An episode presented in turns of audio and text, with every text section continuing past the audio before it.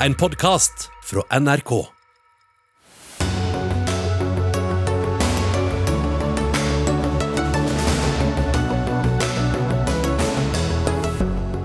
Hold ølkranene stengt, ber Sykepleierforbundet. Når helsetoppene får all definisjonsmakt, blir det umulig for andre å bli hørt, fortviler utelivsaktør. Julian Assange kan bli idømt inntil 175 års fengsel. Er Wikileaks-grunnleggeren en helt, eller en falsk profet for venstresiden? Lakseeventyret er en historie om korttenkthet, er den dystre dommen fra to forfattere. En student etterlyser en mer konstruktiv debatt om havbruket. Og hva skal du si til slektninger som ikke tror på vitenskap, eller er skeptiske til vaksiner? Faktisk ennå viser vei. Men de legger for dagen et skremmende syn på uenighet, mener Rødts Mimir Kristjansson. Og Det er noen av overskriftene i denne ukas siste Dagsnytt 18-sending med Sigrid Solund i studio. Det blir lettelser i smitteverntiltakene om en uke, det sier statsminister Jonas Gahr Støre i dag, uten å presisere hva det lettes på. Inntil videre fortviler utelivsbransjen fordi de ikke får servere øl og vin. Og denne uka gikk lederen i Norsk Sykepleierforbund Lill Sverresdatter Larsen ut i VG og advarte mot å oppheve skjenkeforbudet nå. Det har skapt reaksjoner, ikke minst i bransjen selv. Øyvind Bakkeby Moe, du driver virksomheter innen kultur, uteliv og eiendom i Tromsø. Og hvordan reagerte du da du så dette oppslaget? Nei, altså her opplever jeg fra mitt ståsted som en som jobber i og eier selskap, som innen kultur og uteliv. Og, og da oppleves denne uttalelsen som en i et ledd av mange uttalelser fra ledere i helsevesenet over tid, som gjør at jeg faktisk kjenner på at jeg nærmest er med i en boksekamp. En boksekamp hvor jeg ikke aner hvor mange runder jeg er nødt til å gå. Jeg føler meg, selv om jeg kanskje ikke ser sånn ut, som en, en fjærvektsbokser mot tungvekterne. Og jeg har liksom vært Man har kjent på mye følelser underveis. og Man har fått det ene slaget, eller man har kommet seg opp mange ganger i løpet av disse prosessene som man har stått i. Og man kjenner på at nå henger du i virkelige tauene her nå på slutten. Men du har én tanke i hodet, og du skal ikke ned i den canvasen.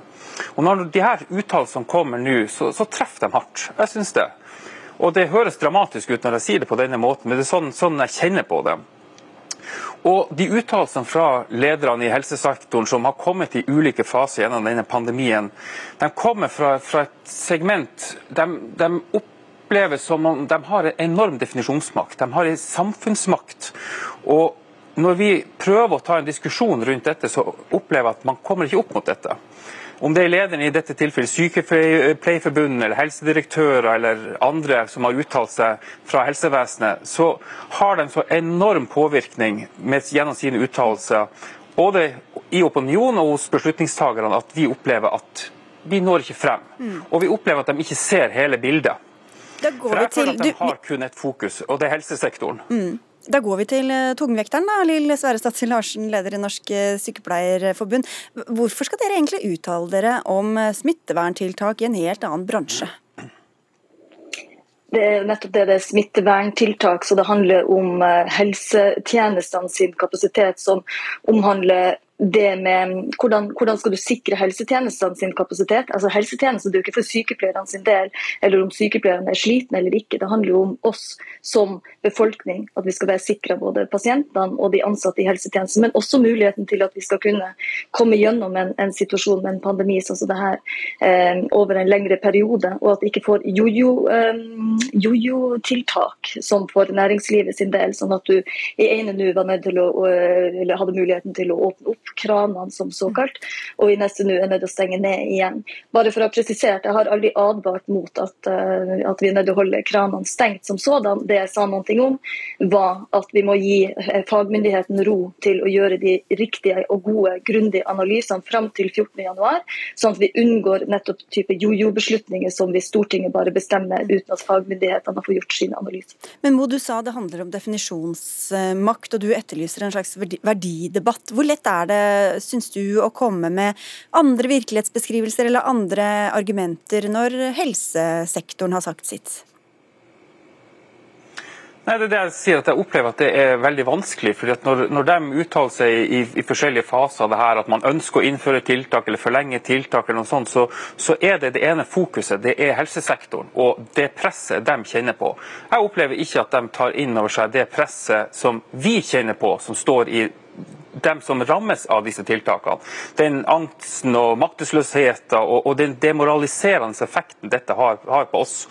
Og, og Det syns jeg de skal ta inn over seg. For når de kommer med disse uttalelsene, så sitter man der og prøver å løfte hodet igjen, prøver å se fremover. Hva kan vi forvente i neste uke? Hva kan vi finne på alternative tiltak internt i bedrifter etc. Så slår det så negativt ut når man får disse her rett i fleisen igjen. Og det går på en slags verdifølelse av oss sjøl til syvende og sist. For jeg opplever gjennom to år nå i dette, så er det blitt altfor lettvint fra helsesektoren å påføre og forlange tiltak ute i samfunnet uten at man har tatt inn over seg hva gjør det med disse menneskene som må ta den støyten. Vi opplever ikke egenverdien vår blir verdsatt. Vi opplever ikke at samfunnsverdien vår blir verdsatt. Og Dette her går så på ubestemt tid at nå er vi nødt til å ta inn disse verdispørsmålene, ikke bare kompensasjonsordningen som, som har vært diskutert hittil. Larsen. Jeg synes Det er veldig viktig at også de her virkelighetsbeskrivelsene som, eh, som Bakkeby Moe beskriver, kommer frem. Eh, for vår del så er det også noe som vi har tatt opp flere ganger. Nettopp hva betyr de smitteverntiltakene for folk ellers i samfunnet. Det blir ofte snakk om intensivkapasitet, men hvordan er det ellers i kommunen? De folkene som eh, går på de brune barene, som jeg vet, de som har det som sine sosiale eh, møtepunkt når du har nedstengninger sånn som det her, og så har du i tillegg eh, helsetjenestekapasitet, ressurser som blir trukket ifra, psykisk helse og rusfeltet i særskilt grad, og over til TISK og vaksinering osv. Så, videre.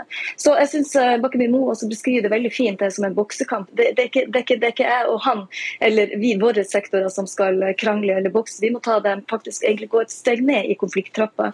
Og når det er krise sånn som nå, så er det særlig viktig at vi lytter og forsøker å forstå ulike perspektiv. Og så er det faktisk regjeringa sitt ansvar og, og, fagmyndigheten som sådan for å gjøre de beslutningene som skal, skal treffe både vår beredskap, kapasitet, men også næringslivet sin drift. Men skjønner du at det kan virke håpløst for andre å prøve å bli hørt, når dere for å si det sånn, trekker et trumfkort om belastningen på helsevesenet og kapasiteten der?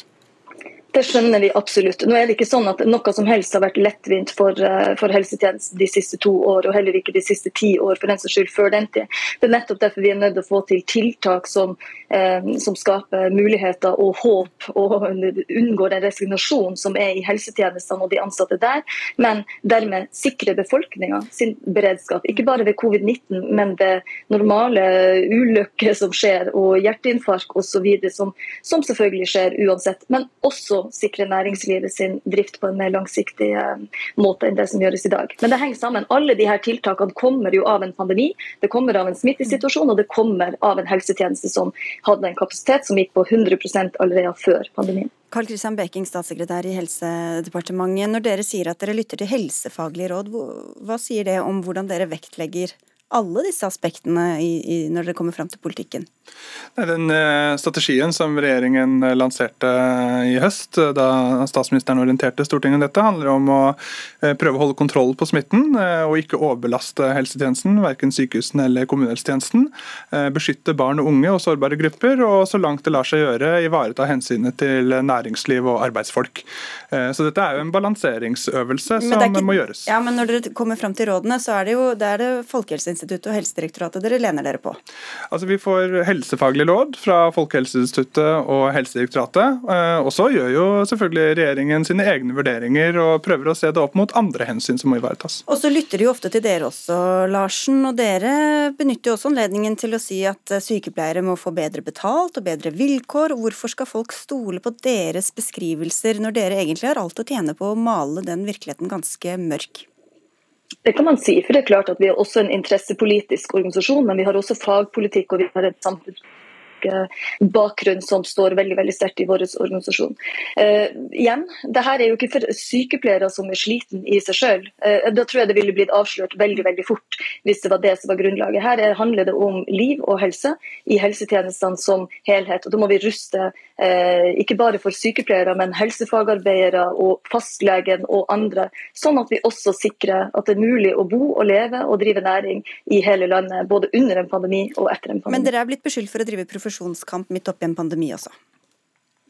For min del er det helt uforståelig. Jeg skjønner, jeg skjønner, det faktisk ikke. Jeg tenker Det er en litt malign posisjonering, litt ondartet posisjonering. Jeg skulle ønske at vi alle sammen igjen tar et steg ned fra konflikttrappa, ser framover hva er det som faktisk er behov for å gjøre. Og Det er noen enkle tiltak vi kan gjøre her og nå som vil bedre helsetjenestekapasiteten, og dermed gjøre det litt mer forutsigbart også for næringslivet, for uteliv og restaurantbransjen, som vi definitivt også trenger. Ok, Helt kort eh, til slutt her, Bakkeby-Mo. Hvem er det du opplever at regjeringa lytter til mest? Nei, altså Helt klart helsesektoren. og Jeg hører hva statssekretæren sier, men det har de sagt mange ganger i løpet av dette. her, og Vi ser ikke at dette verken dokumenteres på noe som helst vis eller legges frem at de har gjort disse avveiningene. Og, og det, det, det, er noe som skjer nå her ute som, som jeg tror man skal være obs på. Vi skaper tapere nå. Vi skaper mange tapere. Og nå er det mye sinne. Uh, og, og jeg er helt enig med, med, Lill i at vi skal ikke sette sektorer opp mot hverandre. Det synes jeg er en veldig uønska situasjon. Men sånn som helsevesenet legger opp til den eh, argumentasjonsrekka de legger frem og viser til dette presset sitt i mange ulike faser, så føler vi til syvende og sist at vi er nødt til å ta til motmæle. Vi tvinges inn i en sånn type diskusjon, og det er uheldig. For helsevesenet har en enorm samfunnsmakt, og den forvalt, må forvaltes med omhu. Og det er jeg usikker på om de gjør nå. Eh, jeg vil bare innvende her at Regjeringen holdt tilbake lenge i høst og ønsket å bruke lokale tiltak. Ved utbruddet så ønsket man først å holde det regionalt. Det var når man fikk stor spredning av omikron at vi endelig måtte trå til med nasjonale tiltak. Så her har vi holdt igjen av hensyn også til næring og andre interesser. Rett før vår sending så sa Helsedirektoratet at de vurderer å ha ulike regler for restauranter og barer når det kommer til skjenking. Vi får følge opp den når vi ser hva det faktisk kommer med. Men det er altså kapasitetsspørsmålet som er grunnen til at ungdommer må ha digital skole, barer holdes stengt og teaterforestillinger blir avlyst. Eller er det egentlig det? Begrunnelsen har flytta på seg, skriver du i VG hvor du er kommentator, Tone Sofie Aglen. Hvordan har den flytta på seg? Nei, Vi ser jo både at eh, målet i det fjerne og begrunnelsene har endra seg. I pandemiens første fase så handla det jo om å berge liv, og det støtta vi jo alle helhjertet opp om. Så handla det jo om intensivkapasiteten, eh, eh, slå ring rundt den, slik at ikke helsevesenet kollapsa. Det skjønte vi jo også alle. Så ble det å gi vaksine til de de utsatte, de svakeste, som også var forståelig. Så måtte alle ha vaksine. Så var det dose én, så ble det dose to, og nå har vi gått i gang med dose tre. Og jeg merka meg nå at eh, når Kjerkol Støre nå snakker, så handler det ikke bare om intensivkapasiteten, nå handler det om helheten i helsevesenet. De snakker om en pressa kommunehelsetjeneste, de snakker om fastlegene. Og i morges har det jommen meg Kjerkol også nevne at det kunne bli høyt sykefravær og gå utover andre samfunnssektorer. Da spør jeg meg liksom, hva er den neste begrunnelsen? Er dugnaden eh, for? Er det for fastlegene? Hva er det for? Og jeg skjønner at folk eh, Eh, blir sliten, blir fortvila, motløs og i verste fall også mister tilliten. Ja, Det er et bevegelig mål, altså, og noe må være riv ruskende galt, skriver du. Hvorfor det? Nei, Det handler jo om eh, flere ting. For det første så handler det jo om tallene som vi alle kan lese. I dag så er det jo under 300 innlagte på norske sykehus. Eh, ca. en tredel av dem er på intensivkapasitet. Og når det beskrives som noen ting som kan eh, få helsevesenet til å knele, så er jo det i seg sjøl noe som er litt rart, når vi vet at kapasiteten burde vært større, og samtidig så vet vi at mange andre eh, operasjoner utsettes. Og så er det det vi gløtter litt over til våre naboland, Sverige og Danmark, som har langt flere smitta, langt flere innlagte, i større grad har klart å, å skalere opp sin kapasitet. Og, og, det tredje er når du hører fra Sykepleierforbundet som snakker om at det her er ikke bare pandemien, det her handler om et stort press på sykepleiere over tid. Jeg hører St. Olavs hospital i Trondheim, når de går over på gult nivå, eh, så er ikke det på pga. pandemi, bare det pga. mange utskrivningsklare pasienter. Fastlegekrise har vi hørt om lenge. Så da, liksom, det spørsmålet jeg lurer på er, handler det her bare om pandemien, eller er det rett og slett helsevesenet vårt som er for dårlig organisert? Og Både du og byrådsleder i Oslo Raymond Johansen har etterlyst svar på hva slags kapasitet vi egentlig har. Men før vi skal få et svar fra statssekretæren her, du, du tror kanskje også at det har skjedd et stemningsskifte? At vi ikke bare godtar alt eh, lenger i befolkninga? Ja, det er helt åpenbart. Hadde jeg stilt de her spørsmålene for et drøyt år siden, så hadde jeg nok blitt sabla ned. Det å rommet for å stille kritiske spørsmål til myndighetene da, det, det, det var ganske krevende. Vi slutta opp om tiltak og, og stolte på det. Mange var redde. Jeg, jeg tror det er et veldig sånn sunnhetstegn at at eh, det er mye mer kritisk. Folk er ikke redd på samme måte. og Jeg tror nok at det er mye vanskeligere å være regjering og styre nå, men jeg tror det er utrolig viktig at vi får de her spørsmålene og få litt mer troverdige svar. Vi får se hva vi får til. Du ønsker ikke å diskutere, men takk skal du ha, Tone Sofie Aglen. Karl Christian Bekeng, fortsatt statssekretær. Bare for å begynne med intensivplassene først. Hvor mange har vi, og hvor mange intensivpasienter er innlagt? Eh, vi har 647 intensivplasser, og det er ca. litt i underkant av 300 innlagt. Og Hvordan kan det da være så krise når vi har, kan gå på altså to- eller tregangeren? Nei, Det handler i stor grad om at et virus som smitter eksponentielt, eh, spiser opp eh, intensivkapasitet veldig fort. Eh, selv Tyskland, da, som har høyere intensivkapasitet i Norge og blant de høyeste i Europa, eh, har også smitteverntiltak. Nettopp fordi dersom et virus sånn som omikron, da, som kan legge en sterk belastning på helsetjenesten eh, veldig fort, fordi det smitter veldig fort, også gjennom vaksinerte, eh, vil da kunne på, i løpet av få dager eller få uker eh, fylle opp den kapasiteten man har, selv om man da i dag har en bufferkapasitet på ca. 300. Og Så er det en god nyhet da, i at det ser ut til at omikron egentlig legger en mindre belastning på intensivkapasiteten. og Det betyr jo at man da i større grad må se på hva man har i total sengekapasitet. Eh, og Vi vet hvor mange intensivplasser vi har, fordi da Delta begynte å, å øke i høst, og like etter at vi tiltrådte, så fant vi ut at eh, det tallet må man faktisk spørre sykehusene om. Så den tellingen har pågått eh, frem til inntil nylig, og derfor har vi det tallet nå. Og når de telte, så, talte, så kom de jo fram til halvparten av det tallet vi var vant til å høre fra før av. Hvordan kan det ha seg? Nei, Det er fristende å si at det må du spørre forrige regjering om, men, det, men det, er, eh, det, er, nok et estimat som ble gjort av Folkehelseinstituttet på hva som kunne være en smittetopp, og det lå på 1200. Og Så tror jeg det ble kommunisert tydelig at 1200 er der man skal forvente at man skal kunne håndtere. Eh, men så har det jo da vært fra, fra organisasjonen til LIL, NSF og andre pekt på at ja, men vi har nok ikke så mye å gå på.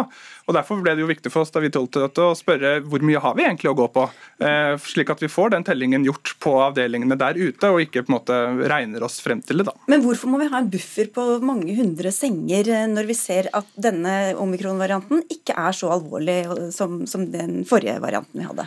Nei, Det som gjør det litt komplisert, er at når smitteverntiltakene funker, så funker de på alt. De funker også på influensa og på RS eh, og på andre, og det blir mindre øyeblikkelige hjelpinnleggelser. Så eh, det som på en måte ville vært et normalår med forventet belegg på intensivkapasitet, det er det vanskelig å sammenligne med. fordi Det vi er redde for, er jo denne hurtige veksten som kan komme i løpet av to uker. og Det var den vi var redd for for snart fire uker siden, da omikron kom. Vi visste lite om den, og den spredde seg uhyre raskt. Nå vet vi mye mer, og innen 14.1 så tror vi at vi kjenner nok til hvordan det viruset opptrer, til at vi kan eh, justere. Da, Men ikke nå, selv om dere i går her i Dagsnytt 18 sa at dere skulle justere fortløpende? Altså, vi får fortløpende informasjon fra eh, Helsedirektoratet og Folkehelseinstituttet og de som monitorerer. Eh, men vi så jo da at eh, belegget var ganske høyt inn i jul, og så stabiliserte det seg. Nå eh, er det antatt da at delta-varianten er på vei ned, mens omikron er på vei opp. Og vi tror inn i neste uke at da ser vi også om den legger veldig stort beslag på intensivkapasiteten eller ikke. Men så er det også et spørsmål om hvor, hva man skal kreve av en sånn intensivplass. Helseministeren sa at det du taler du du kom på, altså man kan trappe opp til 647 senger, men at en andel av disse vil være intermediærplasser med en enklere innretning og lavere bemanning. Og det ønsker vi ikke å komme i, sier hun. Hvorfor ikke det? Hvorfor er det så farlig å kunne liksom gå litt ned på standarden? Eh, altså det er kun i Helse Sør-Øst at man regner inn intermediærplassene i dette tallet, men eh, det er eh, slik at Hvis du fyller opp alle disse, eh, da har, du på en måte, da har vi ikke noe plass til øyeblikkelig hjelp. Eksempel, en ulykke, hvis det skulle skje, så må vi ha plass til de også. Så vi må på en måte ha en, en bufferkapasitet også på ca. 150-180 plasser jo, til å håndtere I Sverige er det fem sykepleiere per intensivpasient. I Norge opererer vi med dobbelt så mange. I Norge er, varierer det ganske fra sykehus til sykehus. Altså Helse Sør-Øst og Ullevål da, for eksempel, har ganske høy standard, blant det høyeste i landet. Mens det er annerledes da, f.eks. i Kirkenes, eller det er jo et landstrakt land med forskjellig Så det, det, det, dette tallet tallet er bygget på, er jo hva hvert sykehus tenker er et faglig forsvarlig intensivtilbud på sitt sted. Uh, ja. Men så til det Aglen var inne på også, nemlig at det blir begrunnet med fastlegekrise, med eh, bemanningskrise, med generelt dårlig eh, tilstand i helsevesenet. Vi ser at det er innlagt færre pasienter nå på norske sykehus enn det var i 2017, 2018 og 2019, skriver Aftenposten i dag. Så hvorfor, hvorfor stengte vi ikke da, da, da det var like stor krise på alle deler av, eh, av helsevesenet? Det er det jeg forklarte i sted, at uh, når smitteverntiltakene fungerer sånn som de gjør nå, uh, så får de ned veldig mye av den sykdomsbyrden som vi normalt ville hatt. Og I et normalår så kan man forvente omtrent hvor vi ligger. og Da vet vi at det ikke er noe problem om vi ikke har den altfor store bufferen. Uh, det vi ser med først ulike varianter av Wuhan-viruset, og så alfa, og så delta og nå også omikron, er at det er veldig vanskelig å vite hvor raskt det skal nye innleggelse kommer. og Hvis de kommer i veldig hurtig tempo, så er jo altså krisescenario er det man så i Nord-Italia, hvor man plutselig ikke kan håndtere det i løpet av veldig kort tid. Eh, der tror vi ikke vi er nå, fordi tiltakene vi har hatt eh, gjennom julen funker. Vi har lavere eh, antall smittede, selv om vi er høye i Norge i forhold til Danmark og andre land. og Det gjør at vi kan justere disse her, potensielt da med lettelser, klokelig når vi kjenner virusets og Hva skal vi da måle etter? Skal vi måle etter eh, intensivplasser, eller sykehusplasser, eller fastlegeordningen, eller generelt sykefravær, eller hva er egentlig målet i det blå her?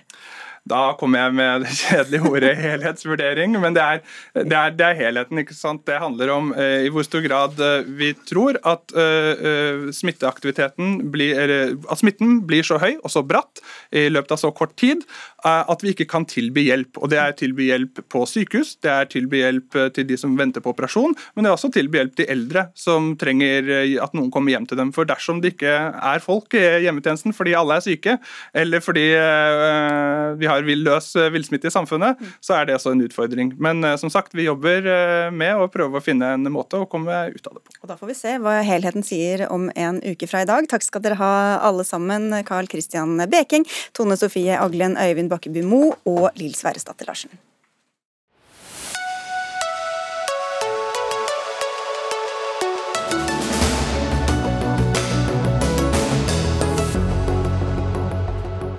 Risikoen for en konflikt i Europa er reell, det sier Natos generalsekretær Jens Stoltenberg etter et krisemøte som alliansen hadde i ettermiddag. Nato hasteinnkalte alle utenriksministre tidligere denne uka for å snakke om Russlands militære styrkeoppbygging i Ukrainas grenseområder. Og Korrespondent i Brussel, Simen Ekern, du var til stede på Stoltenbergs pressekonferanse i etterkant. Hva mer sa han? Han sa jo dette med at konflikten eh, er reell, eh, som du sier. Men han sa samtidig eh, at han mener det er positivt at vi i neste uke får såpass mange samtaler mellom Russland og, og, og vestlige land, ikke minst da Nato-Russland-rådet, møtet som skal være her neste onsdag, som jo ikke har møttes på fryktelig lang tid. Så han ser at det i alle fall er et signal om at det kan muligens være en mulighet da, til å finne eh, en vei ut av det bare i kraft av at man eh, møtes som man ikke har gjort i noen særlig eh, grad tidligere. Så vil jo kritikerne hevde at det er merkelige omstendigheter å møtes til samtale i når man blir konfrontert med 100 000 tropper på, på grensen. Stoltenbergs forgjenger Anders Fogh Rasmussen har jo eh, hevdet at dette minner mer om en slags eh, utpressing. Men dialoglinjen står altså fast, og Stoltenberg snakket også om at eh, det er en stor grad av enighet i alliansen om hvordan man nå skal snakke med Russland i uka som kommer.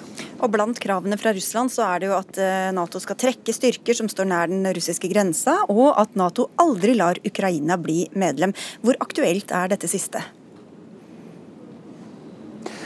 Nei, Det er jo ikke veldig aktuelt at uh, Ukraina blir Nato-medlem med det første, men det er på ingen måte aktuelt for Nato å, å, skrive under på noen slags avtale om at det ikke skal være mulig. Det står uh, fast. og Der var utenriksministrene i dag tydelige, som de har vært før. Det er ikke opp til Russland å diktere hva frie og uavhengige land uh, bestemmer seg for, enten det da handler om Russland eller det handler om Sverige og Finland, som også var land som var oppe på, på pressekonferansen pressekonferansen. Så det eh, kommer nok ikke eh, til å skje. Der man ante en slags åpning, muligens, noe å snakke om på disse møtene til uka, er spørsmålet om nedrustning. Russlands krav har jo vært at man skal trekke styrker fra landene som grenser til Russland. og Da sa Stoltenberg at det er jo på ingen måte snakk om at man vil akseptere en sånn ensidig, et sånt ensidig krav fra Russland, men at man er interessert i nedrustning. Så kanskje blir det eh, noe eh, i, i, i, den banen vi får se eh, diskusjoner til uka. Selv om Stoltenberg altså også var nokså åpen og tydelig på at det er fullt mulig at de diplomatiske samtalene, at denne linjen om dialog vil bryte sammen. og da sa han at man er eh, klare til å møte eh, Russlands handlinger med eh, alvorlige konsekvenser og sanksjoner. Mm. Takk skal du ha, Simen Ekern. Utenriksminister Anniken Huitfeldt, du deltok på det digitale hasteinnkalte møtet som akkurat ble avsluttet. Hvor pessimistisk eller optimistisk er du etter det som ble sagt her? Det som er viktig, er at vi får i gang samtaler. Og det har ikke vært samtaler i Nato-Russland-rådet på en stund. Og det gir jo et håp om at man kan få en diplomatisk løsning. Men vi er jo forberedt på, og har jo sett før at uh, Russland har både evne og vilje til å bruke militær makt. Så vi er også forberedt på at det kan bli utfallet. Og Både finner og svensker er urolige for disse kravene som russerne har stilt. Deler Norge den bekymringen? Ja, absolutt. For det som er grunnlaget for vårt demokrati da vi ble selvstendig stat i 1905, var at vi fikk bestemme da om vi skulle være nøytrale eller gå inn i noen militære allianser. Det var også grunnlaget for at det var vi som bestemte at vi skulle være en del av Nato. Og Det er jo dette som Finland og Sverige er så opptatt av. At det er ikke sånn nabolandet kan diktere hva demokratisk valgte politikere mener og hvilke internasjonale organisasjoner de skal bli medlem av. En sånn verden hvor stormaktene gjør opp seg imellom og dikterer nabolandene, det er selvfølgelig helt uaktuelt. Tormod Heier, forskningsleder ved Stabsskolen og Forsvarets høgskole, med Nato som spesialfelt. Hva slags strategi legger Nato nå? Ja, Det er vanskelig å si. Jeg tenker De har en sånn uh, prinsipielt sett to ulike tilnærminger. En som går på veldig prinsippfast, hvor man står veldig sterkt i hevd ved de vestlige idealene og normene hvor statene i Europa har en selvbestemmelsesrett til selv å bestemme hvor de vil høre hjemme. Og så har du den mer pragmatiske, hvor det er mer realpolitikken i bildet, hvor det er mer forhandling og kompromiss, og hvor man på den ene siden jo da, aksepterer statenes selvbestemmelsesrett, samtidig som man også er villig til å lytte til naboenes sikkerhetsbekymringer. Så det er en pragmatisk, og så er det en mer prinsippfast. Og hvem stiller seg på hvilken linje? Ja, eh, Nato er jo ikke lenger som under den kalde krigen. 16 eh, ganske likesinnede transatlantiske stater. I dag er det en allianse med 30 vidt forskjellige medlemmer som har en tendens til å følge sine særegne nasjonale interesser. og det å bygge da bro mellom de ulike retningene. Tendensen er i fall at jo nærmere Russland disse Nato-landene ligger, jo mer prinsippfaste blir de. For de har jo selv opplevd å ligge under et sovjetisk eller et Warszawa-pakt-regime i mange tiår og ønsker nok denne prinsippfaste selvbestemmelsesretten. Mens lenger vest på kontinentet så er Nato-landene ser ut til å være Tyskland, Frankrike osv. litt mer pragmatiske, fordi de vil også at eh, Ukraina og alle andre skal få lov til å bestemme selv. Men de er også litt mer vare på å ikke fremprovosere uønskede russiske motreaksjoner. Huitfeldt, pragmatisk eller prinsippfast? Vi skal være absolutt prinsippfast på at det kan ikke være sånn at store land eh, definerer hva som er sikkerhetsstrukturen i Europa. Det må hver enkelt land bestemme sjøl. Men fra norsk side så er vi jo veldig opptatt av å beholde lav spenning i det høye nord, og det er en norsk eh, egeninteresse. Men eh, å gå tilbake til at stormaktene skal diktere hva man demokratiske valg land velger, det er selvfølgelig helt uaktuelt. Heier... Da må vi være den prinsipielle. Ok, på den prinsipielle linja, hvis vi skal følge disse to eh, heier.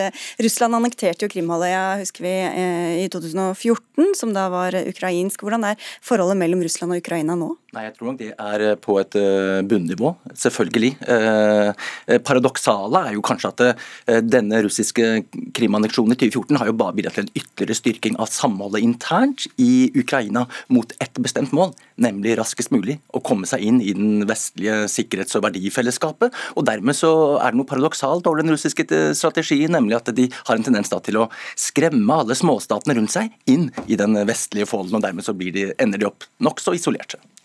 Vi må også til en annen stat i Øst-Europa, nemlig Kasakhstan, der uroen i dag har fått en ny omdreining. Presidenten sier at han har gitt sikkerhetsstyrkene ordre om å skyte uten forvarsel, og at landets eh, største by, Almaty, er blitt angrepet av 20 000 såkalte banditter, og forhandlinger kommer ikke på tale. Du skal få uh, lov å gå, Huitfeldt, men først bare en liten kommentar til hvordan du ser på hva presidenten har sagt i dag. Det er jo en veldig uavklart situasjon. Vi ser jo en, eh, vi ser en voldsspiral. Så Det som er viktig å uttrykke fra norsk side, er at eh, vi mener det er viktig å inngå samtaler. Og at Folk har jo rett til å demonstrere, men voldsbruk er selvfølgelig helt uakseptabelt. Så Vi vil henstille Kasakhstan til å respektere menneskerettigheter, til å respektere ytringsfrihet, til å respektere forsamlingsfrihet. Og så har jo nå det kommet eh, russiske soldater inn i Kasakhstan, for de har en forsvarsallianse der også. Og vi må gå ut fra at det innebærer eh, den armenske statsministeren sier, nemlig at de trekker seg ut når eh, denne opptrappingen og denne voldsspiralen er over. Ivar Dale, du er rådgiver i Den norske Helsingforskomité og jobbet i, i Almaty fram til 2015. Hva er det som er bakgrunnen for den, det opprøret vi ser nå? Eh, nei, altså Kasakhstan er jo et eh, nokså autoritært eh, regime eh, de har der. Eh, og, eh, men samtidig det et, har det alltid vært i sentralasiatisk sammenheng nokså stabilt, rikt pga. gass- og oljeforekomster. Samtidig så er det svært korrupt. Du har en elite som, som lever svært godt, mens du har oljearbeidere, særlig i Vest-Kasakhstan, som har det vanskelig i hverdagen. Så den, De protestene som brøt ut nå, det gjaldt da i begynnelsen noe sånne prisoppgang på flytende gass, en type drivstoff som de bruker til bilene sine, særlig det området her. Men det har da utarta seg og blitt en sånn eh, protestbevegelse over hele landet som handler om noe langt større. da. Så nå handler det om eh, at eh, folk vil ha et regimeskifte. Men det er ikke første gang det er eh, protester i landet? Nei, og uh, dette her starta jo da i uh, småbyen Janauzen helt uh, vest i Kasakhstan, hvor det for ti år siden ganske nøyaktig var en massakre. Da var det oljearbeidere som streika i denne byen. Vi fra Helsingforskomiteen var der like før her, denne tragedien skjedde, og vi var der igjen under rettssaken etterpå. 14 oljearbeidere ble jo skutt og drept mens de flykta ubevæpna på høylys dag. Eh, så der har det ligget veldig mye sinne og sorg, eh, selvfølgelig rett under overflaten. Eh, og det har kommet opp igjen. Så er det selvfølgelig òg dette med at de reelle opposisjonspartiene i Kasakhstan de får aldri være med i valg. I parlamentsvalget er det kun de på en måte myndighetsgodkjente partiene som får delta, mens alle, andre blir holdt på utsida. Og Det er ikke, i praksis ikke mulig for uh, folk å gå ut og protestere i gatene. Så dette her har uh, til slutt eksplodert.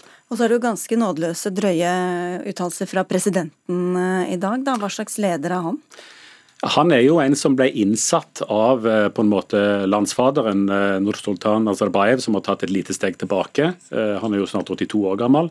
Han er en eh, karrierediplomat, eh, på ingen måte noen slags eh, folkets mann. En nokså stiv type, men med lang erfaring fra høyt i FN-systemet, i OSSE osv. Så, videre, så han forstår veldig godt liksom de råd som f.eks. norske utenriksministeren vil gi, men han har vært litt sånn avvisende til den type råd tidligere. og Nå har det da gått, skal han vise seg som en sterk mann, tror jeg.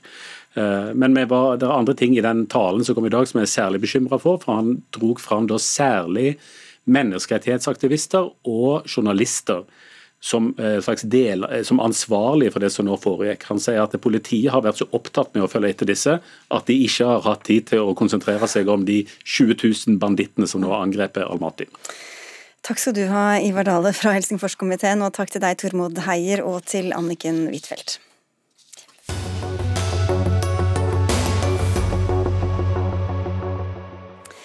Er eh, Wikileaks-grunnleggeren Julian Assange en helt eller en falsk profet? Det diskuteres for tiden i Morgenbladet. Samme dag som Nobels fredspris ble delt ut til to journalister før jul, sa en britisk ankedomstol at Assange kan utleveres til USA. Og der kan han bli dømt til inntil 175 års fengsel etter at Wikileaks i 2010 offentliggjorde 500 000 graderte dokumenter, bl.a. om USAs krigføring i Irak og Afghanistan. Åge Borchgrevink, du er forfatter og skribent i Morgenbladet, hvor du skriver denne uka at dyrkingen av Assange viser venstresidens begjær etter falske profeter. Hva ligger i det? Nei, jeg, tror jeg har reagert litt sånn over tid på um, jeg kanskje først skal bare bli uh, ferdig med én ting, og det er uh, Jeg tror at det er noen ting vi ikke trenger å debattere. og Det er for det første at de eh, informasjonen som Wikileaks brakte eh, helt til begynnelsen, og også nå eh, i de senere år, har vært veldig veldig viktig. Og, eh, eh, og, og, banebrytende var hele prosjektet i sin tid. En annen ting er at den tiltalen som amerikanerne har laget mot Julian Assange, eh, er svært problematisk fordi den i prinsippet åpner for rettsforfølgelse av journalister egentlig over hele verden. Så at den at den, eh, eh, at de britiske domstolene ikke har slått ned på den, det er et problem. Mm. Ok, eh, Men så til det du spurte om. og, og selv om Julian Assange har gjort veldig mye godt for offentligheten, så er han en svært sånn tvetydig figur, mener jeg, når det gjelder ytringsfriheten. Så Derfor har jeg vært veldig forbauset å se denne høsten, hvor det var to journalister som vant Nobelprisen, at det var veldig mange som ønsket at Julian Assange også skulle være en av prisvinnerne. Og en av de fremste eh, på den siden der, det er jo eh, Gisle Selnes, som jeg skal snakke med her nå senere. og Han ble intervjuet i avisen, og i, eh, der så sier han at Assange er et offer for en svertekampanje blant de største i, i, i historien. Og, og, et offer for en slags konspirasjon av journalister og korporative medier, som han sier. Ehm, som har forsøkt å, å, å sverte ham. Og uh, Disse tingene syns jeg går he eh, helt langt. Han har gjort eh, fine ting, men han, han er ikke noen, um, han er ikke noen heltebukk, som jeg skriver da, i denne, i denne spalten. Ja, Ingen helt, Gisle Selnes, professor i litteraturvitenskap ved Universitetet i Bergen, eller er han det? Det kommer jo alt an på hvordan man definerer en helt. Eh, og Det har ikke så veldig mye med saken å gjøre. Det som disse kritikerne av Borchgrevinks eh, type gjør, det er at de sier vel ok, Assange er ikke en helt, ergo må han være en skurk. Eh, Assange har utvist et heltemot, det kan man jo ikke benekte. Han har risikert absolutt alt, og sitter nå i fengsel uten lov og dom. Han har sittet i 1000 dager i et høysikkerhetsfengsel, Belmarsh. Han er en varetektsfanger fange. Han hadde et slag i oktober. Han har vist seg standhaftig. Og han har da stått for, som jeg overraskende nok hører Borchgrevink si nå, bak noen av de aller største eh, lekkasjene som har vist alvorlige, grove krigsforbrytelser. Eh, og eh, som har gjort faktisk at vi har vært nødt til å justere opp tallet på drepte sivile i Afghanistan med, med, med 15 000. Og det har også ført til nedtrapping og til slutt uttrekking av amerikanske styrker derifra. Og Der var dere jo egentlig enige, da, men du skal, du skal få ordet, Selnes, og bare høre med Borching. Hva, hva, er det de ser ut til å glemme, mener du, da, Selnes og hans likesinnede? Det er jo, altså, jeg, jeg, jeg, sa det at Assange har vært, når det gjelder ytringsfriheten, en ganske sånn tvetydig figur. og Det er flere forhold som ligger eh, eh til grunn for å si det. Én eh, ting er at han har samarbeidet med eh, den russiske propagandakanalen RT. Der har han hatt et program. Dette er en kanal som eh, sjefsredaktøren selv kaller for et informasjonsvåpen som Russland bruker mot verden. I 2016, da Wikileaks lekket e-poster og dokumenter fra Det demokratiske partiet, så fremmet um, Julian Assange uh, flere ganger en, en, teori om at lekkasjen stammet fra en valgkampmedarbeider som ble skutt. Dette eh, ble en sånn stor konspirasjonsteori i 2016, og begynnelsen på det som er kjent som sånn Pizzagate-historien. En av de eh, mest merkelige eh, forestillingene om demokratiske partier som en slags sånn pedofil ring. Djeveldyrkende kult. Ja, rett og slett. Så at hvis du på en måte Altså propaganda og, og konspirasjonsteorier er noen av de største problemene for demokratiet og ytringsfriheten i dag. og, og Julian Assange har leflet med begge disse til. Så Dermed mener jeg at man burde gratulere ham for det han har gjort, men nobelpriskandidat det er han ikke, på linje med de andre journalistene. Selnes.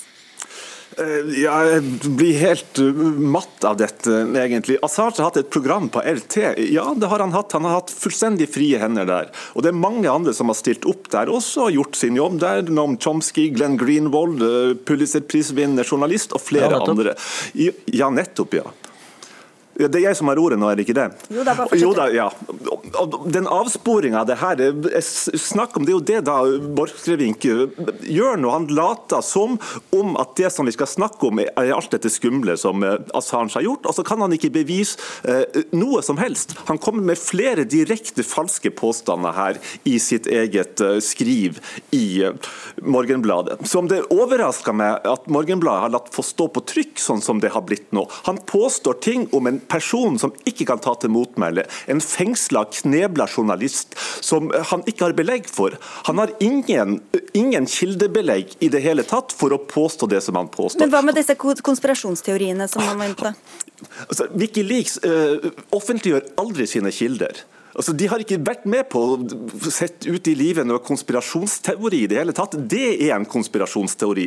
På samme måte som Russiagate er en konspirasjonsteori. Det som Wikileaks gjør, er at de offentliggjør, at de offentliggjør sann dokumentasjon. Ingen har noensinne tatt Wikileaks i å offentliggjøre dokumenter som ikke er autentiske, og de har over, offentliggjort flere millioner eh, dokumenter. Ingen, man dyrker ikke Assange som helt. Man ser på det som han faktisk har gjort og det som blir gjort mot han nå. Og Det er den alvorlige saken som Borchgrevink sier at vi ikke skal snakke om, men det er det vi må snakke om. Borchgrevink. Jeg mener jo absolutt at vi skal snakke om eh, den tiltalen mot han og hvilke problemer som ligger i det. Der, der er vi jo som sagt enige. Men jeg syns du tar veldig lett på dette med RT, konspirasjonsteorier uh, osv. Altså, hvis du ser hva de tingene han faktisk sa og gjorde i 2016, så utlovet Wikileaks f.eks. En, en, en belønning på 20 000 dollar eller noe slikt for opplysninger om drapet på denne personen som var drept i et ran, for å antyde helt åpenbart at det var en liksom, ugler i mosen der. Eh, helt åpenbart at det var å liksom stimulere til konspirasjonsteorier. og eh, Det er, ikke bare denne jobben i RT, det er også andre ganger hvor um, Wikileaks har gjengitt um, vært stasjon for å, lekke dokumenter som har blitt brukt av f.eks. syrisk og russisk propaganda. Så, det, så det, er, det, er en, det, er, en, mer komplisert og nyansert historie og en mer komplisert og nyansert verden enn det du legger opp til. Det er vel det jeg tror jeg prøvde å si i dette innlegget mitt. Ser du ingenting negativt ved det han driver med, Selnes? Eh, det han driver med Nå driver han med ingenting. Nei, nei, nei, men det han har gjort, da. Ja, Det kan godt hende at det er det, men nå er de store spørsmålene noen helt andre. Og det å si, det er klart, en, Hvert menneske har gode og dårlige sider. Jeg kjenner ikke Julian Assange, men det er jo klart at han har stått bak noen av de viktigste bragdene. Dette Set Rich-eksempelet som uh, Borchgrevink trekker frem her nå, det er klart å si at han legger opp til konspirasjonsteori for å ha utlova en belønning for at man skal finne ut hva som har skjedd, det er jo et uoppklart mord. Ingen vet hva som har skjedd med det.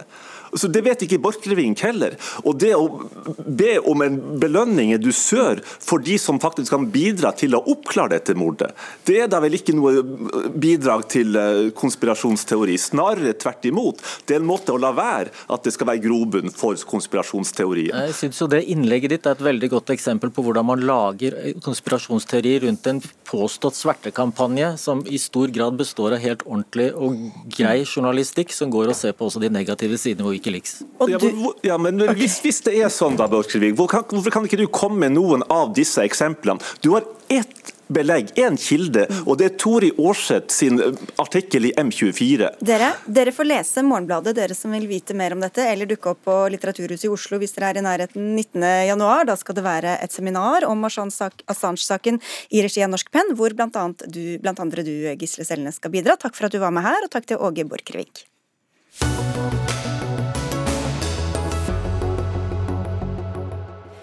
Fjoråret ble tidenes beste eksportår for norsk sjømat, med en total verdi på over 120 milliarder kroner. Og laksen utgjorde godt over halvparten. Men lakseeventyret er en historie om korttenkthet, mener forfatterne av Den nye fisken, en bok som de også oppsummerer i en kronikk i Aftenposten. Ifølge dem et eventyr uten lykkelig slutt, men med ingredienser som lakselus, lusegift, rensefisk og fisk på rømmen, som har skapt splittelse mellom laksemafiaen på den ene siden og de konspiratoriske villaksvennene på den andre. Og det siste er vel dere, Simen Sætre. Du har skrevet Den nye fisken sammen med Kjetil Østli. Og hvis dere skal oppsummere, eller du skal oppsummere all elendigheten dere skriver om, hva er dommen over norsk oppdrettsnæring? Nei, Det vi skriver i kronikken er jo at man har kjørt seg fast. Problemene har tårna seg opp uh, over tid. Eh, I stedet for å finne gode løsninger, så har man prøvd eh, seg med grønnvasking. grønnvasking. Prøvd å fremstille næringen som bedre enn den er. Og da har man heller ikke klart å løse de problemene som har kommet. Jannike Eckhoff, student og podkastvert i Hekta på havbruk, som er finansiert av oppdretter Aino Olaisen og DNB, hvor du har møtt WWF og statsministre, havbruksstudenter og lakseoppdrettere. I dag har du et innlegg i Aftenposten sammen med Kristin Langeland, kommunikasjonsdirektør i Sjømat Norge, hvor dere etterlyser en mer nyansert debatt om havbruket. Men hva er feil i det Setre og Østli sier? Du, Hva som er feil i det Sætre og Østli kommer med av fakta, det er jeg helt kompetent til å, svare på. Jeg er ikke fagperson, og jeg er heller ikke student innenfor noen form for havbruksnæring eller fiskebiologi, for den saks skyld. Men den debatten jeg etterlyser, eller den egentlig offentlige samtalen jeg etterlyser, det er en samtale med et høyere kunnskapsnivå. Eh, vi har fått et fantastisk bidrag med, som poengterer veldig mange av utfordringene som næringen sitter med. Og min erfaring med med næringen tilsier at veldig mange av disse utfordringene er de veldig klar over selv, og da veldig ivrige på, på å løse. Men så har de kanskje heller ikke vært så flinke til å formidle til den brede befolkningen det arbeidet som er lagt inn med å løse utfordringene, og hvor de har lykkes. Så framtiden ser lysere ut, mener du, enn det som beskrives har skjedd til nå? Ja, mitt inntrykk er, er rett og slett det. Én ting er både innsatsen som næringen selv eh, legger i å, å, løse utfordringene, samtidig som det er på trappene en, en stor eh, ny generasjon med, med, unge mennesker som har, eh, som har, en god faglig kompetanse, men som også er eh, litt generasjon Thunberg, og som jeg tror ikke er like redde for å eh, utfordre de konvensjonelle sannhetene som næringen har lagt altså, til grunn. Innen næringen selv? Ja. Ja, det er veldig fint at man prøver å løse problemene, men de er jo ikke løst. Eh, rett før jul så ble villaksen for første gang rødlista. Den er ansett nå som nær trua. Eh, dette har man snakka om i mange år, men man har ikke løst problemet. Det har blitt verre. Samme gjelder fiskevelferd, som har blitt verre over år. Eh, spesielt bruken av eh, rensefisk, som er hjerteskjærende. Altså Man fisker opp små fisk fra Sverige og opp langs kysten, og så slipper man de ut i merdene for at de skal spise lus av laksen. Mm. Eh, men de forsvinner bare. Mm. Folk i næringen sier til meg dette må vi slutte med, men man gjør det ikke. Samme gjelder bruk av termisk avlysning. Altså man tar laksen i, opp i um, varmt vann, så den får panikk um, og, og, blir stressa. Eh, et av de største problemene med det her er uh, hjertesprekk. Altså at uh, laksen får panikk og hjertet sprekker. Eh, det er den største, viktigste dødsårsaken, anser man, i næringen i dag. Altså, det er bra at man forsøker å løse problemer, men man har ikke klart det. Nei, Hvorfor skal vi stole på at noen prøver å gjøre det på ordentlig nå, Eckhoff? Nei, det, det, akkurat det faglige i det her, det er jo litt vanskelig for meg å, å, svare på. Og nettopp dødelighet som resultat av behandling og avlusning er eh, et kjempe, kjempeutfordring, og noe jeg oppfatter at spesielt også veterinærene er bekymret for, nettopp som eh, effekten av, av, behandlingen. Men eh, det handler jo også om at vi må vi må se på hvordan eh, altså sånn, Det er jo eh, grunnen til at vi har fått alle disse eh, termisk behandling og, og leppefisk f.eks. Det er jo forsøk på å løse et problem fordi man tidligere hadde f.eks. Eh, kjemisk behandling, som man da også sluttet med fordi man vet at det også skader fjorden. Dette skriver jo, ikke sant? Man har ett problem, og så forsøker man å løse det, og så får man ti nye. Og Det er fordi man ikke har forberedt seg godt nok, man ikke bruker føre var-prinsippet. Ehm, så gjelder det det som du sier med mm, at det kommer en ny generasjon som er mer klimabevisste. Det er kjempebra, jeg er også kjempeklimabevisst. Dette skriver vi masse om i boka. Ehm, men da er spørsmålet er oppdrettslaks måten vi skal løse klimakrisa på, eller er det et problem? Ehm, per i dag så er All fisk du får i butikken er mer klimavennlig enn oppdrettslaks. Til og med kylling er mer klimavennlig. Så da er det et spørsmål bør vi heller gå over til annen type fisk, annen type mat, som grønnsaker, villfisk osv., eller skal vi løse klimakrisa med oppdrettslaks? Nå er Det jo sånn at, at det finnes sikkert mange mer grønne alternativer til eh, eh, dyreprotein i det hele tatt. Jo, eh, eller animalsk protein.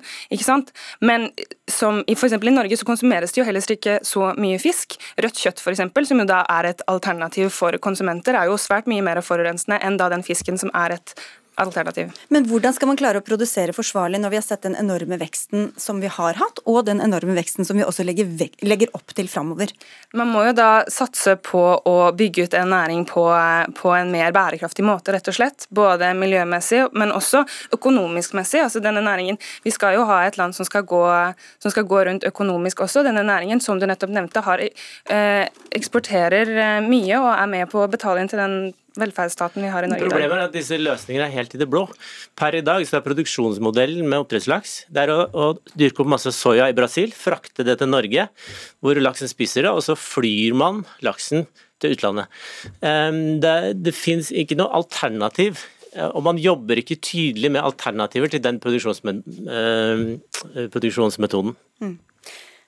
Da sier vi takk til dere begge for eh, at dere kom. Simen Sætre, som altså har skrevet eh, en av forfatterne bak Den nye fisken, og Jannike Eckhoff, som eh, driver podkasten Hekta på havbruk. Tusen takk.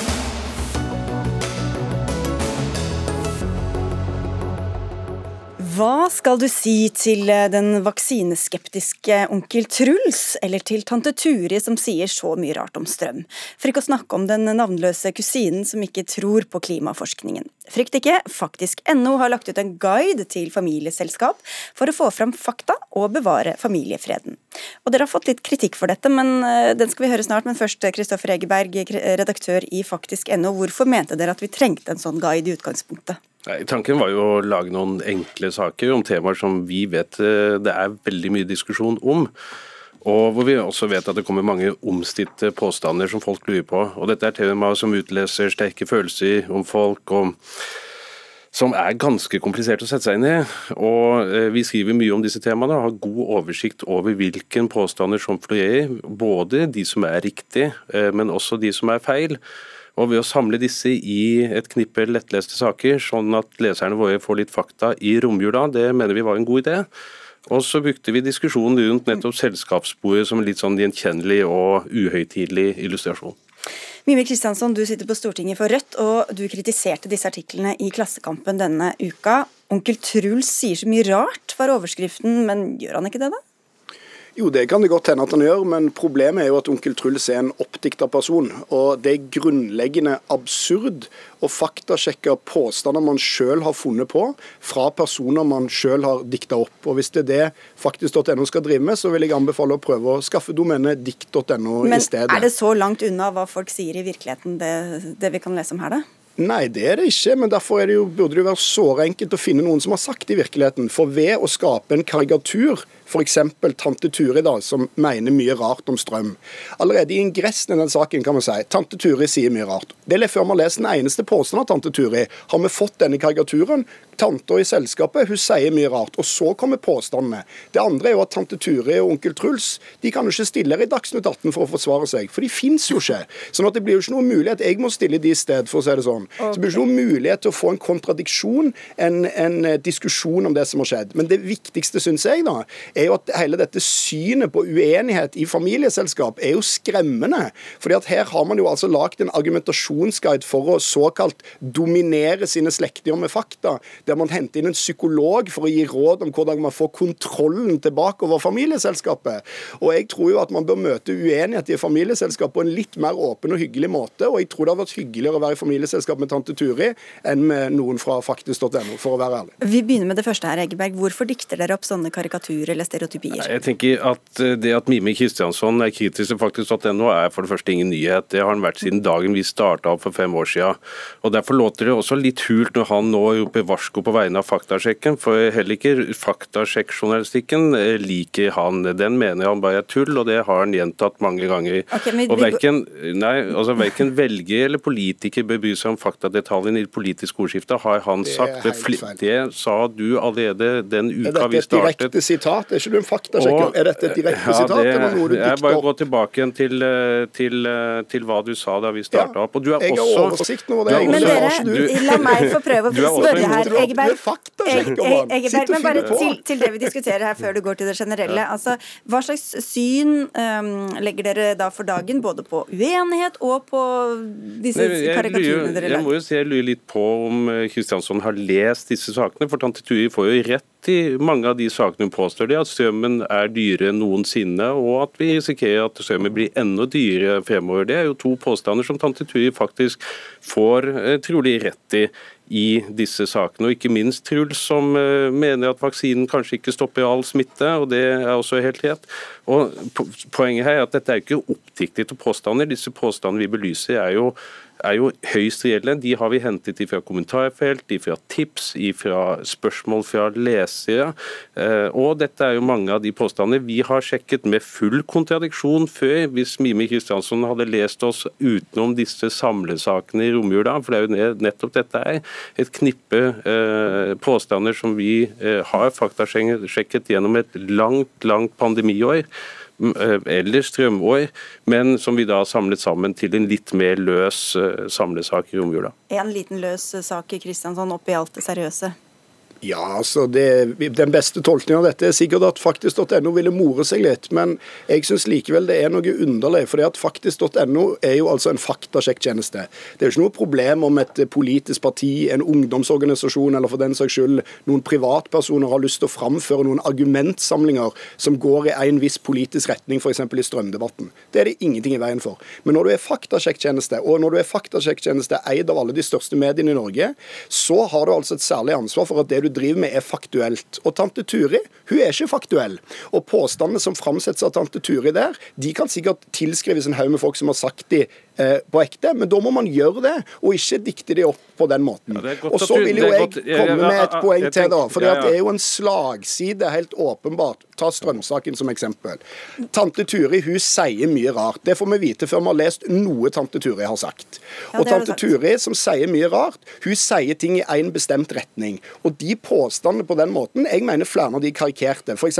påstanden Norge hadde klart seg bedre uten noen eksportkabler. Hørt nesten ingen si den påstanden. Striden står om de to siste eksportkablene. Og det er jo en påstand dere ikke har tatt bryet med å faktasjekke. Okay. Og jeg holder det som usannsynlig at faktisk.no skulle lagt en lignende type sak om hvor slitsomt det var å møte en EU-positiv markedsliberal Greit. fetter som heter Preben i juleselskap, som okay, sier mye rart. Preben er ikke mer. Ja, har dere slagside, Nei, Jeg tenker at altså, Det er gøy ganske, og nå er den inne på det igjen, dette med eierne våre. Det, altså, eh, her er det en stortingspolitiker og en tidligere nyhetsredaktør, og ikke minst medlem av Ytringsfrihetskommisjonen, som på trykk i Klassekampen beskylder oss for å drive propagandakrig mot oppdiktede fiender, og nærmest ber eierne våre gripe inn mot da en liten og uavhengig nettavis, fordi vi driver kritisk journalistikk som han ikke liker.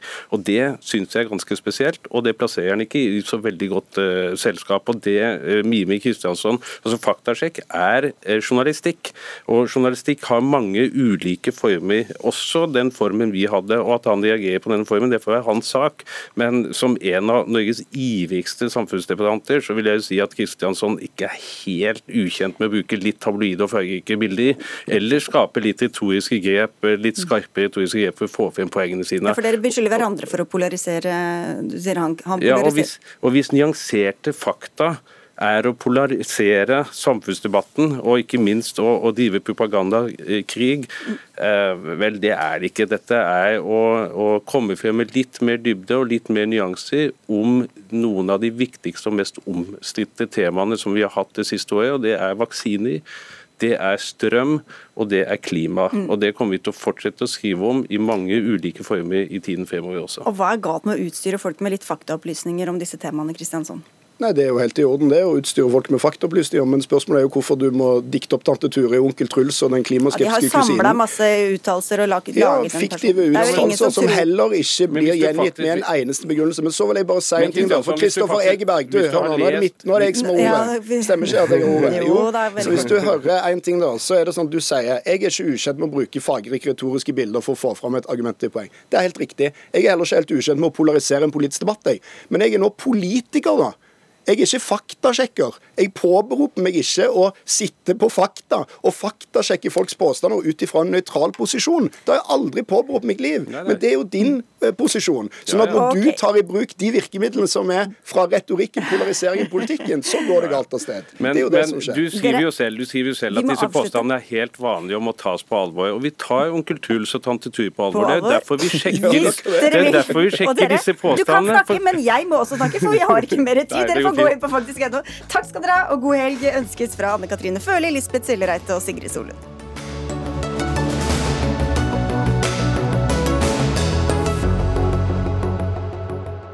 Du har hørt en podkast fra NRK. Hør flere podkaster og din favorittkanal i appen NRK Radio.